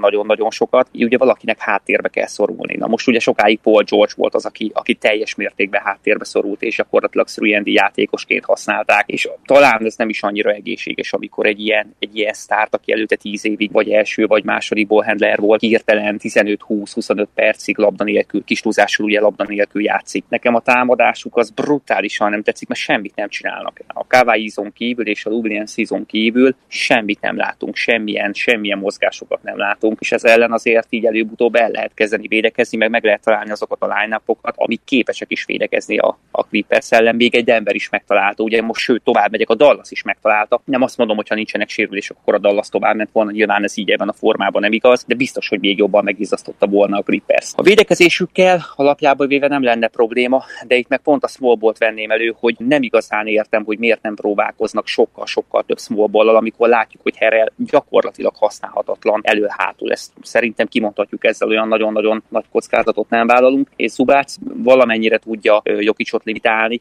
viszont ez a közel 10 pont 6 lepattanó azt hiszem körül teljesít, ezek Hasülből jönnek össze, nem azért, mert hogy a, a rendszernek ő most a része, és akkor a rendszer hozza ki a statisztikát, nem, ő ezt összeházülözze. És én sokkal-sokkal több small próbálnék, sokkal több five próbálnék, ha már támadó rendszerünk nincs. Akkor viszont próbálnék területet biztosítani. Viszont a védekezést, az ellenfelek védekezését megkönnyíti az, hogy, hogy a centerek azok, azok tényleg védekezhetnek középen, tudnak pihenni, akár Herelen, akár uh, Zubacon, nem kell fellépni, lehet sokszor drobbeket védeni, uh, van, akiről túl lehet mindig segíteni. Én úgy gondolom, hogy ez egy, ez egy baromi nagy segítség a, a, a, az ellenfeleknek, ugye jelen esetben a Denvernek. Ezzel teljesen egyetértek, és az is nekem tipikus ilyen duck reverse valahol, és Zoli kíváncsi a te véleményedre is, hogy, hogy J. Michael Green-t a hatodik meccsen a végén veti be, meg, meg tök későn kezdi el használni. Nyilvánvaló, hogy a, a messze a legpotensebb center lenne a Clippersnél, és nem tudom, az mennyire smallból, mert ő azért valamennyire magas ember, de tényleg Green az, aki ki tudná húzni a palánk alól a, a Denvert, mert addig a Denvernek tényleg nincsen más dolga, egyszerűbben hangzik, mint megcsinálni, tehát megcsinálni sokkal bonyolultabb nyilván, de Denvernek nincsen más dolga, mint amikor Kawai megy be, akkor Jannis módjára fogni, tehát körülvenni őt, be, bezónázni elé, egy passzról segíteni, és egyébként meg behúzódni, van két-három triplázója a Clippersnek, aki a nagyon elkapja, akkor lehet, hogy ezzel kikapsz, de azért ezt úgy, ezt úgy ennyi, ennyire playmaking hiányos csapatnál így, így szerintem egészen korrekt bevállalni, hogy úgy mondjam. Tehát, tehát tök jól fogalmazta meg Tibi, hogy, hogy segít gyakorlatilag Duck Rivers a Denvernek, és több J. Michael Green kéne például, ami szerintem a hetedik meccsen már meg is történik. Zoli?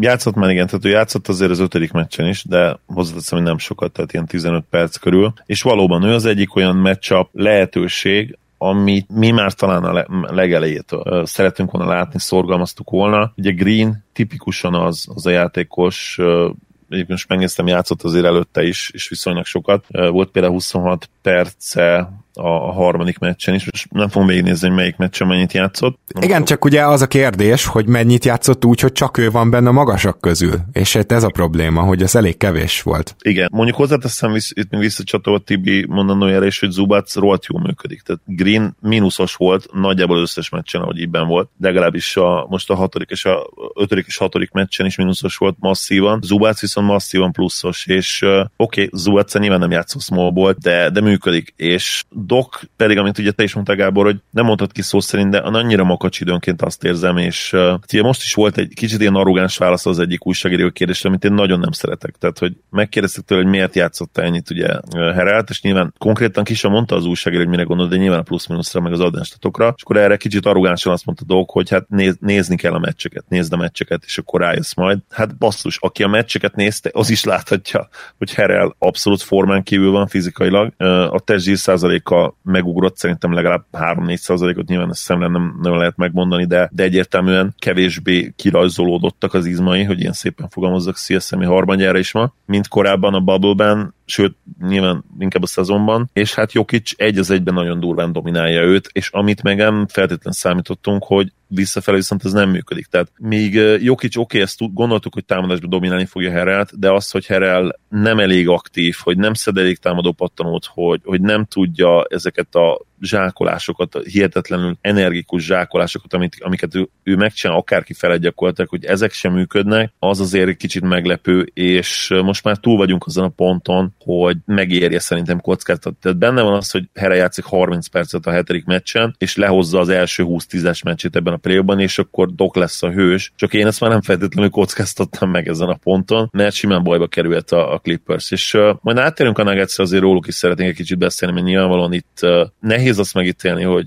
melyik csapat van ebben benne nagyobb rész. Nem, talán ezt nem annyira nehéz, a Clippers, ebben egyetértünk, viszont, hogy, hogy mennyire kell ezt súlyozni, abban talán lehetnek köztünk majd a véleményeink között eltérések, és szerintem azért kell legalább egy nettó 5 percet arra is szánunk majd, hogy nagyon dicsérjük a, a Nuggets-et. Nettó 5 percet nem is, de azért én szeretnék rátérni a, a Nuggetsre, mert hogy ugye azt, azt érezzük, hogy itt a center rotációról azért is beszélünk, mert ahogy a pálya várc elején bemondtuk, jó kis dominál, és igazából ezt is vártam, tehát nyilván itt, itt, itt egy olyan matchup előnye van a Denvernek, hogy ahhoz, hogy nyerjen, ahhoz Jokicnak dominálnia kell, és Jokicnak tényleg neki legyen mondva, hogy ezt abszolút meg is csinálja, kifejezetten még, még tőle szerintem nem is teljesen megszokott módon agresszív tud lenni támadásban, a triplái is esnek, úgyhogy, úgyhogy ő abszolút hozza magát, de ami érdekes még, hogy ugye Denver periméteren nyilván jobban szenved, annak ellenére, hogy 3-3-ra állnak, szerintem ezt így nagy totába ki lehet jelenteni, és vagy Murraynek, vagy Harrisnek valakinek azért még általában kell egy, egy jó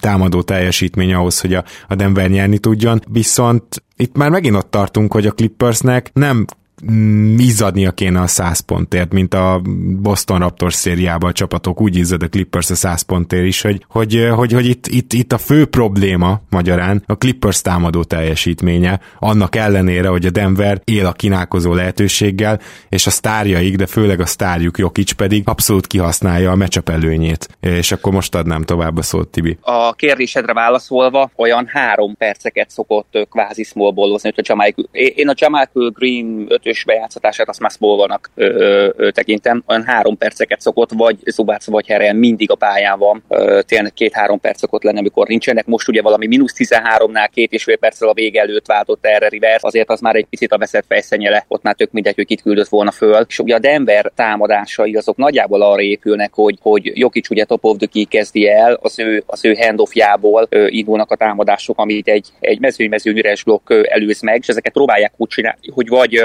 Williams lehessen támadni, vagy valamelyik magas játékos lehessen támadni. Nekem azt hiányzik egy picit Riversnél, először a védekezésre reflektálnék, hogy Jokicsot nem próbálja meg lekergetni, hogy, hogy posztolnia kelljen. Szóval abban az esetben, hogyha, hogyha Zubác vagy Herel nem lenne a pályán, akkor ezeket a, ezeket a támadható pontokat ki tudná szerintem Rivers venni, és serébe el tudná azt érni, hogy Jokic ne topobdok irányítgasson, ne tudjon poppolgatni és abból néha wide open három pontosokat dobni, hanem le kelljen menni brusztolni a polánk alá. Ami azért jóval fárasztóbb, és a Denvernek egy teljesen más támadás kéne erőltetnie. Meg se tudtuk nézni, hogy ez, ez hogy működik. Meg se próbálta Rivers, hogy esetleg belekényszerítse a Denvert egy másik féle rendszerbe. Nem biztos, hogy ez működőképes lett volna, de ki tudja. A támadásnál meg azt mondom, hogy, hogy azt mondod, hogy a Clippersnek nem kéne szenvednie, de hát, hogyha Aizobolt játszik egy csapat 48 percen keresztül, akkor igenis szenvedni fog szerintem. Azért a tavalyi Torontót, ha megnézzük, ott amellett, hogy igen, a végjátékokban nagyon sokszor Kawai Aizobolt láttunk, és hihetetlen jó megoldotta, ott volt azért egy elég komplex rendszer. Pont a tranzíciójukat beszéltük, hogy, hogy ugye Gasol irányítatott fent, és hiszen hatfajta változat volt, amiből rengeteg könnyű tudtak dobni, egy jó backdoor kijött egy open három pontos egy üres blokk után. Ezek a Clippersnél szerintem egyáltalán nincsenek meg. Egyáltalán nincsenek. És ugye amikor 110-120 pontot akarsz dobni, akkor ezek a könnyű gólok, ezek baromira kellenek. Ha megnézzük a másik oldalt, a Denver, akkor pont ebből a nagyon egyszerű egy üres blokk és abból handoffból rengeteg könnyű góljuk van, mert nagyon sokszor van egy jó backdoor, amit Tandy is meg tud passzolni, Sokic is meg tud passzolni, sokszor elváltják magukat, és ha nem, akkor a végén a handoff után még mindig ott van az a pick and roll, amiből Jokic ugye poppolni is tud, meg rollolni is tud, és hihetetlenül jól működik. Úgyhogy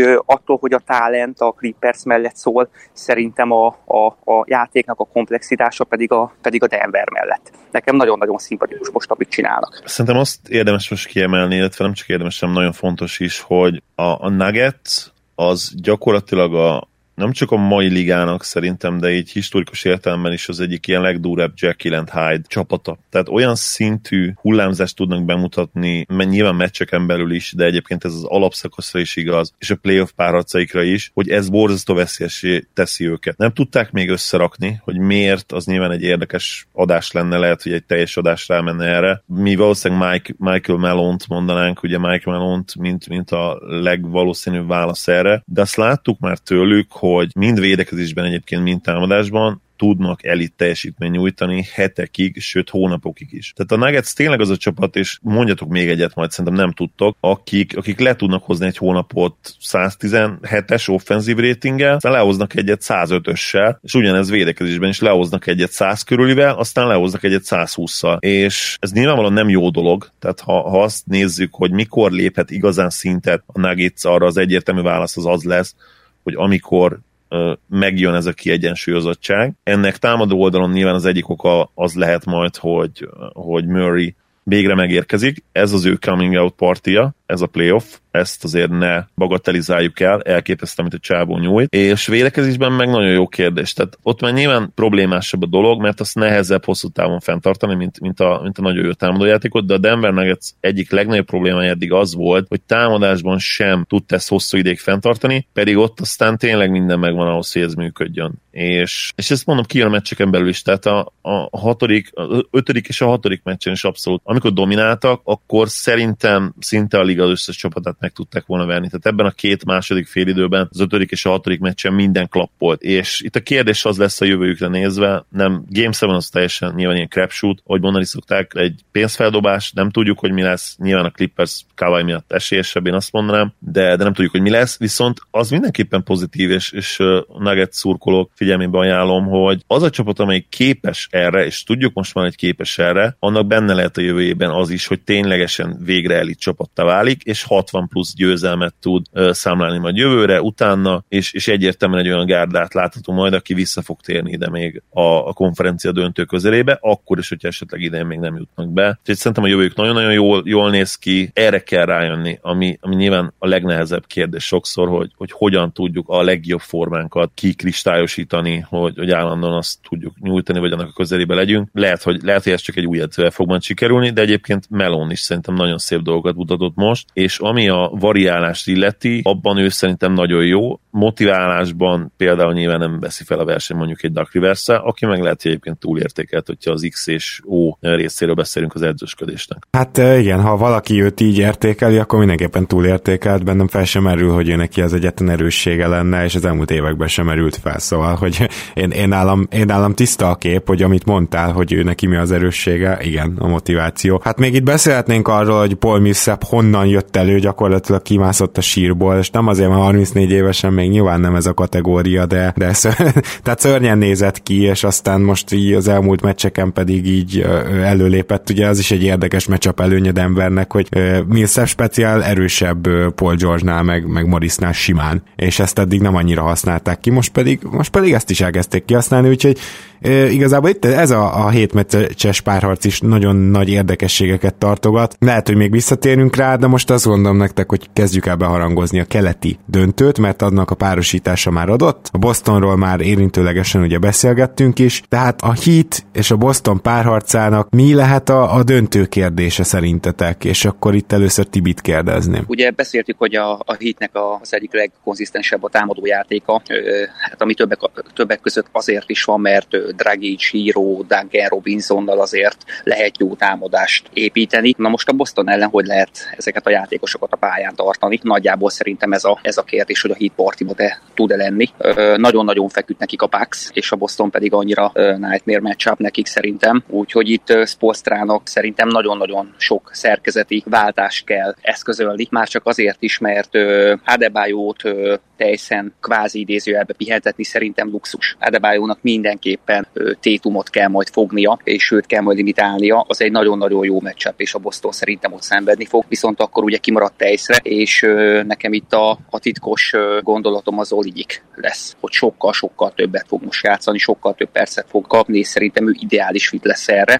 Kemba Walkerre ugye Jimmy Bucket tökéletes opció, és hát ugye itt jönnek a problémák, hogy a többieket hogy fogjuk elosztani. Hogyha Crowder fogja Brown-t, szerintem az meg, megoldás tud lenni, ő lassítani fogja ö, valamilyen szinten, és hát Smartot kell majd feladni, és Dragicot Smarton kell majd valahol eldugni. Ő, mint besegítő védő, azért messze nem tragikus, egy-egy védőként nagyon-nagyon-nagyon rossz. Smartot feladni, nem tudom mennyire öngyilkosság jó formában van, de hát láttuk, hogy ő tud ugye 15-ből kettőt is dobni, úgyhogy ez még mindig opció. És hát mikor kerül a pályára Duncan Robinson, aki ugye alapjáraton azért kezdőjátékos sok perces és a floor spacingnek a, a, a legnagyobb alkotója és segítője. Én úgy gondolom, hogy gyorsan rá fog arra jönni, hogy, hogy amikor elkezd cserélni a Boston, akkor lehet majd szépen Duncan Robinson is a pályán tartani. Egyébként szerintem nem, és sajnos híró, híró is ez a kategória, úgyhogy sok olinyukat szeretnék, olinyiket szeretnék látni, sok olinyiket, és az a Spolstra nagyon gyorsan rájön, hogy Duncan Robinson itt dúdosni nem igazán lehet majd, hanem is speciálisan kell használni, kevesebb perccel, és amikor, amikor egy Ocsülele a pályán van, amikor a Williamsek a pályára kerülnek, akkor lehet majd szépen őt használni, és az ő floor spacing az ő kinti dobásait, akkor kell majd,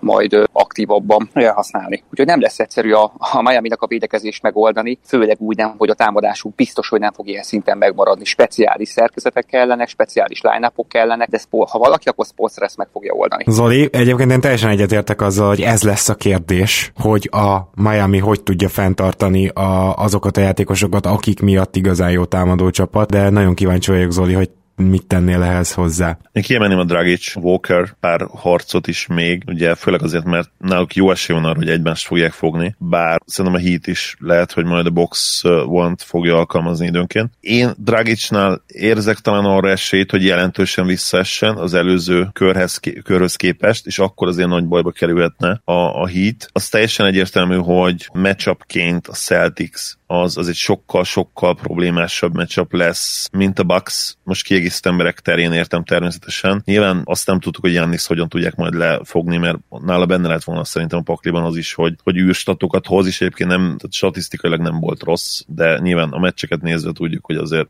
igen, na, rajta is ment el az a, mér, az a párharc. Amire még nagyon-nagyon kíváncsi leszek, én, én abban teljesen biztos vagyok, hogy Adebayot rárakják térumra az első mérkőzéstől kezdve, ez, ez annyira no-brainer döntés, hogy, hogy ez nem kérdés, és ha ki tudják venni esetleg térumot, és térum esetleg úgy játszik, mint ahogy a kora megkívánná, tehát ne legyen mennyire jó basszus egy 21 éves gyerek még a play ban főleg ne konferencia döntőben, na akkor viszont borzasztó nagy bajba kerülhet a, a Celtics. Tehát én, én, én innen fognám meg, hogyha Dragic nagyon rossz, akkor a Heat lehet borzasztó nagy bajba, és nyilván, hogyha Tédum, Tédumot le tudja véde, védeni, Bam, akkor pedig a Celtics, mert Brown nagyon-nagyon kiegyensúlyozatlanul triplázott az előző körben, és, és nem is nézem ki az belőle, hogy 26-27 pontot tud átlagolni jó, jó játékkal. Kembából inkább kinézem azt, hogy, hogy ő át tudja venni esetleges tereket, hogyha Tédum gyengében játszik. Én azért valamennyire ezt várom, hogy Tédum is azért visszalépjen egy-két szintet. Bam Adebayo könnyen lehet, hogy a leges legjobb védőre az egész ligában jelen pillanatban. Meg fogjuk látni, de azért azt ne feledjük, hogy a Boston az nagyon ö, gördülékenyen tud pick and hívni ilyenkor, tehát azért a Boston nem egy egy-egyezős csapat feltétlenül. A Raptors időnként rá tudta kényszeríteni őket, de, de a Heat nem fogja tudni. És, és ezért gondolom azt, hogy nem feltétlenül azt fog dönteni, hogy most Bam Adebayo ellen hogy egy-egyezik Tatum, mert, mert abban a pillanatban oda fognak vinni egy, egy pikket, és abban a pillanatban lecse, elcserélik gyakorlatilag Adebayót, vagy hogyha nem, akkor, akkor jön a körbe passz, és jön az üres tripla a másik sarokban. Tehát, hogy, hogy inkább azt mondanám, még, még nagyobb, még messzebbről nézve a dolgokat, hogy ha ez egy támadó széria lesz, akkor az lehet, hogy a hitnek kedvez, hogyha a csapatok a támadóbb line felé mozognak, de hogyha lassul a széria, hogyha egyre inkább egy grind széria lesz, mint amilyen a Toronto-Boston volt, az a Bostonnak kedvez. De jelen pillanatban úgy gondolom, hogy ez egy olyan folyamat lesz, hogy a Boston fogja egyre inkább ráerőltetni az akaratát a hitre, és egy támadóbb szériából fogunk elmenni egy védekezőbb széria felé, és a 115-120 pontokból fogunk lecsorogni a 100 pont, 105 pontok környékére. De ez persze úgymond csak egy jóslat, de, de szerintem alá is támasztottam, hogy miért. Mi van, ha rárakod Jimmy Kembára? Jimmy... Hát ezt, ezt mondta a Tibi is. Ezt mondta a Tibi is. Hát ez tök logikus, mert mindig Jimmy fogja az ellenfél irányítót, hogy larry is állandóan ő fogja, ha már Raptors uh, szurkoló vagyok, akkor ezt tudom tanúsítani. Tehát szerintem ez lesz. Hát nyilván, nyilván Kemba Dragic egymás ellen az azért nagyon vicces, mert egyik se tudja megfogni a másikat. De, de szerintem nem fogják ők egymást fogni. Szerintem azért fognak egymást védekezni, de igen, tehát nyilvánvalóan a, a, hitnél, hogyha van egy Bemade aki ennyire sok oldalú, ott azért nagyon szépen tudod variálni, mert gyakorlatilag őt tényleg a legjobb periméter játékosra ráállítod, azt szerintem egyértelmű. Aztán utána el lehet osztogatni Crowder, Butler és még akár azt mondom Robinson között, és egyébként most megint meg kell jegyeznem, voltári vicces, hogy Robinson vezeti az idei DRPM statisztikát a dobó átvédek között, tehát ezen stat alapján a liga legjobb védője posztján. Aztán meg nyilván ennek ellenére is ugye arról beszélgetünk Tibivel, hogy mikor maradhat pályán, meg hogyan lehetséges az, hogy nem fogják lekergetni őt, és a cserék ellen kell lehet játszatni. Azért ez megmutatja, hogy az idei RPM statokról mi a véleményünk így kollektíve. Igen, igen, ezt már sokszor mondtuk, hogy ez az RPM idén az nem annyira sikerült. Jó, uh, Tibi, mit gondolsz, hogy mi lehet az X-faktor ebben a párharcban, vagy ki lehet? Tehát, hogy van-e például a Miami-nak olyan húzása, ami az ő oldalakra billentetné ezt a párharcot, vagy, vagy van-e a Bostonnak valamilyen egyértelmű X-faktora? És azért teszem így fel a kérdést, mert talán a fel, az én eddigi gondolataimból láthattátok, hogy a Bostont gondolom esélyesebbnek, sőt szerintem mind a hárman így vagyunk ezzel. Igen, én abszolút a Boston tartom esélyesebbnek, de próbálom ugye az ellenpólus képviselni, és a Miami mellett érvelni, és nálam ugye, amit mondtam, hogy Olinyik az egyik X-faktor, aki ugye a floor spacinget abszolút nem, nem ö, ö, bontja meg, és Adebayoval együtt játszhatható akár már a kezdőbe is, hogy ne kelljen az elejét Duncan Robinson mondjuk egy teljesen bújtatni ha ezt nevezhetjük bújtatásnak egyáltalán, hogy nyilván Tájsz akkor a, a, a, pick and roll rengeteget fog zsákolni, és, és Robizot lehet majd támadni, az szerintem nem megoldás. A másik pedig az, hogy ott szerintem Dragicsnak egy percig se szabad Walkert őlizni, nem fogja tudni Kembát tartani, és nem szabad hajni, hogy Kemba ugye úgymond formába rendüljön, főleg úgy nem, hogy a Raptors ugye kiszedte teljes mértékbe, úgyhogy egy picit most ő, ő azért talán formán kívül is van. Úgyhogy ha az X-faktor az nálam, nálam Olinyik tud lenni, illetve, illetve maga Spolstra, ha megmeri ezeket húzni, mer változtatni a megszokott kezdőtösén viszonylag hamar, és, és meri ő diktálni a védekezésbe a tempót, akár annak árán is, hogy a támadásból azért, azért uh, nyilván valamennyit vissza kell venni. Szerintem azért olyan, olyan orbitálisan sokat nem fog a támadás visszaesni, mert Olinyik is Crowder is azért be tud találni. Boston szempontjából pedig, pedig szerintem Gordon Hayward lehet az X-faktor, akinek szerintem Bizony. a visszatérését nagyon-nagyon várják, hiszen vele azért nagyon komoly új opciók fognak megnyílni, és a Boston is fel tud tenni egy olyan small ball line-upot, ami ellen brutálisan nehéz lesz védekezni, hiszen akkor lesz a pályán négy olyan játékos, aki, aki a playmakingből is ki tudja venni a részét, akinek a shootingja megvan, aki kellően intelligens, nagyon-nagyon jó a rendszer. Hát, hát vagy öt nem? Hát vagy jött, hogy a Smartot is ide vesszük, vagy nem tudom, igen. hogy gondoltál még. Hát igen, és ebbe, ebbe gyakorlatilag Smart lenne a center. Tehát értem, hogy Tétum lenne a legmagasabb, de gyakorlatilag Smart lenne a center, ahogy Westbrook igen, is center. Igen, igen, bár úgy lenne center, hogy áll majd kint, és akkor az üreseket szépen bedobálja, és hogy 15-ből 2 dob, vagy 4-ből 4-et, az majd szépen kiderült menet közben. Nagyon jó taktikai párharc lesz, két top edző, két top edző, akik mernek változtatni, és akik, akik ki tudnak találni real-time is dolgokat, ellentétben mondjuk rivers nem szeretném Rivers kritizálni, de, de, de benne pont ezt hiányolom, hogy nem igazán látok. A régi clippers se igazán láttam olyan, olyan hihetetlen megfejtéseket, amik, amiktől néha leesik az állunk, vagy azt mondjuk ez őrültség, és aztán összejön. Nagyon, nagyon jó párharc lesz, és én tényleg várom, hogy, hogy Spolstra mikor, mikor fog változtatni az alaprotáción. Így kinézem belőle, hogy már az első meccsen, akár a harmadik percben ebben az irányba, ebbe az irányba fog elmenni. Amire én feljönnem még a figyelmet a, a Celticsnek a triplázása, nyilvánvalóan ez az ellenfeleknek is köszönhető, de az eddigi playoff egyik leggyengébben triplázó csapata, és láttam körülbelül 11-ből szerintem 9 meccsüket, majdnem teljes egészében.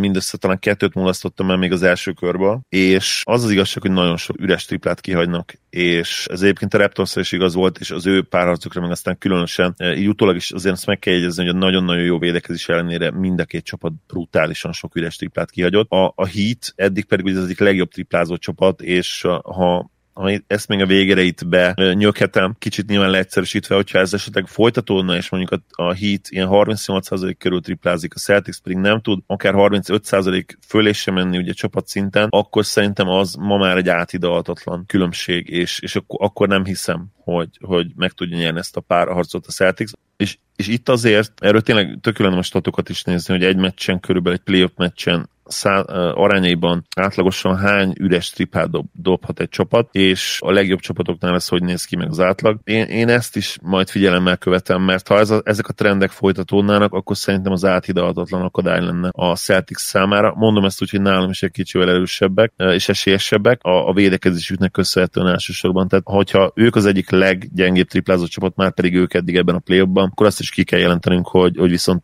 torony magasan a legjobb védőcsapat eddig a, lejátszott 10 plusz playoff meccsen, és ez meg pontosan egy olyan kvalitás, amivel pedig ez a Heat még nem feltétlenül találkozott, mert azt meg kell jegyezni, hogy a Bucks azért erősen, védekezésben erősen uh, saját szintje alatt teljesített. Tehát beszéltünk ugye a Janis problémáról, meg a kiegészítő emberek problémájáról, a, a védekezésükről kevésbé, az már szét volt esve, és ez már a bubble is szét volt esve a rájátszás előtt, úgyhogy ott már ez a, ez a rossz tendencia látszódott. Az igazság, hogy a Bucks nem volt tökéletes formában, nem kisebbítve a hit érdemeit. Szóval nálam ez a párharc 55-45 százalékos arányban a Celtics javára, de hogyha nem fordul meg ez a tripla trend, akkor szerintem hat mérkőzésen tovább fog menni a hit. Tehát a Celticsnek be kell egyszerűen dobnia az üres tripláit, mert ami a Raptors ellen belefért, az ellen a Raptors ellen, amelyik maga is Rahedli üres triplát kihagyott, az itt nem fog beleférni, ez teljesen egyértelmű. Ez egy tipp is volt akkor egyben? Konkrétan el is kéne dönteni, hogy megfordul ez a trend? Én azt gondolom, hogy igen, közelebb lesz a két csapat triplázása. Én a hittől, ha már is hasonra ütök, akkor ilyen 37%-os triplázást várok, a Celtics-től ilyen 35-36%-os csapatszintű triplázást, és ez elég lesz ahhoz, hogy,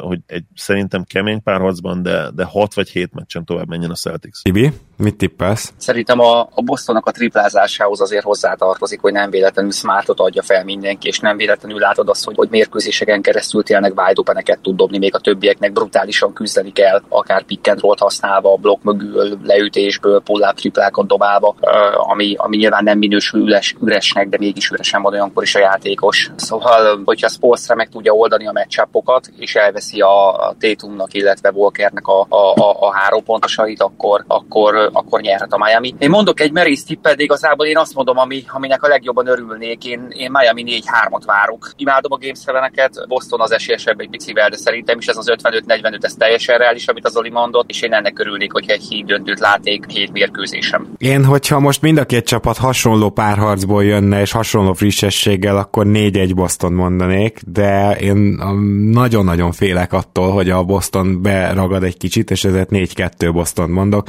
Szerintem itt a matchup problémák sokkal nagyobb gondot jelentenek, mint sem, hogy a Miami ezt meg tudja oldani, akármennyire is nagy sztori a Heat, és akármennyire is szimpatikusak, hogyha a Crowdert, meg Iguldalát, meg Nant kell majd itt végigjátszatni, meg nem tudom, tehát Adebayot sem lehet majd lehozni, é, úgy nem fognak tudni támadni. Ezt, ezt gondolom, úgyhogy ezért 4-2-t mondok azzal a kitétellel, hogy azt könnyen el tudom képzelni, például az első meccset simán hozza a hit. Jó, urak, nagyon szépen köszönöm, akkor főleg elsősorban Tibi, hogy uh, itt szakértelmeddel hozzájárultál a műsorhoz, és uh, hát remélem, hogy minél több ilyen sorozatot látunk, mint például ez a Boston Raptors volt, mert mondtad, hogy nagyon szereted a Game 7 hát mi is, azt gondolom mindannyian.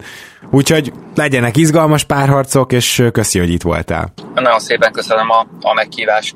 Hajrá itt a hetedik mérkőzésen, és hajrá Miami. Sziasztok! Én is köszönöm, hogy itt voltál, Tibi, és szintén elköszönnék a hallgatóinktól, a nézőhallgatóinktól. Nagyon köszönjük a kitartó figyelmeteket és a támogatásotokat. Örülök, hogy itt lettem. Sziasztok! És természetesen valamikor a héten, ha csak egy nagyon rövid adás erejéig is, de azt a nyugati döntőt is megpróbáljuk beharangozni, úgyhogy még hallhattok rólunk. Addig is minden jót, sziasztok!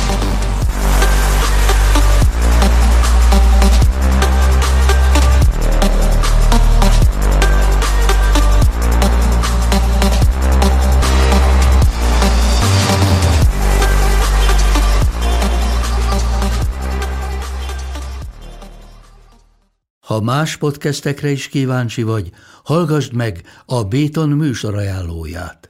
El tudod képzelni, hogy a podcastet, amit éppen most hallgattál, fél év múlva már a mesterséges intelligencia generálja? Mi sem. De ha érdekel, eljött már a gépek lázadása. Hallgass bele az Embertelen podcastbe. Orsós Lajos vagyok, a műsor házigazdája. Egyelőre még élőben. Egyelőre. Fedezzük fel együtt, hogyan ismerkedik, randizik, mesél és vitatkozik Betty és Péter, két teljesen mesterséges intelligencia. Lajos, a podcast címét mond még egyszer, Léci. Oké. Okay. Embertelen podcast. Ez a műsor a Béton közösség tagja.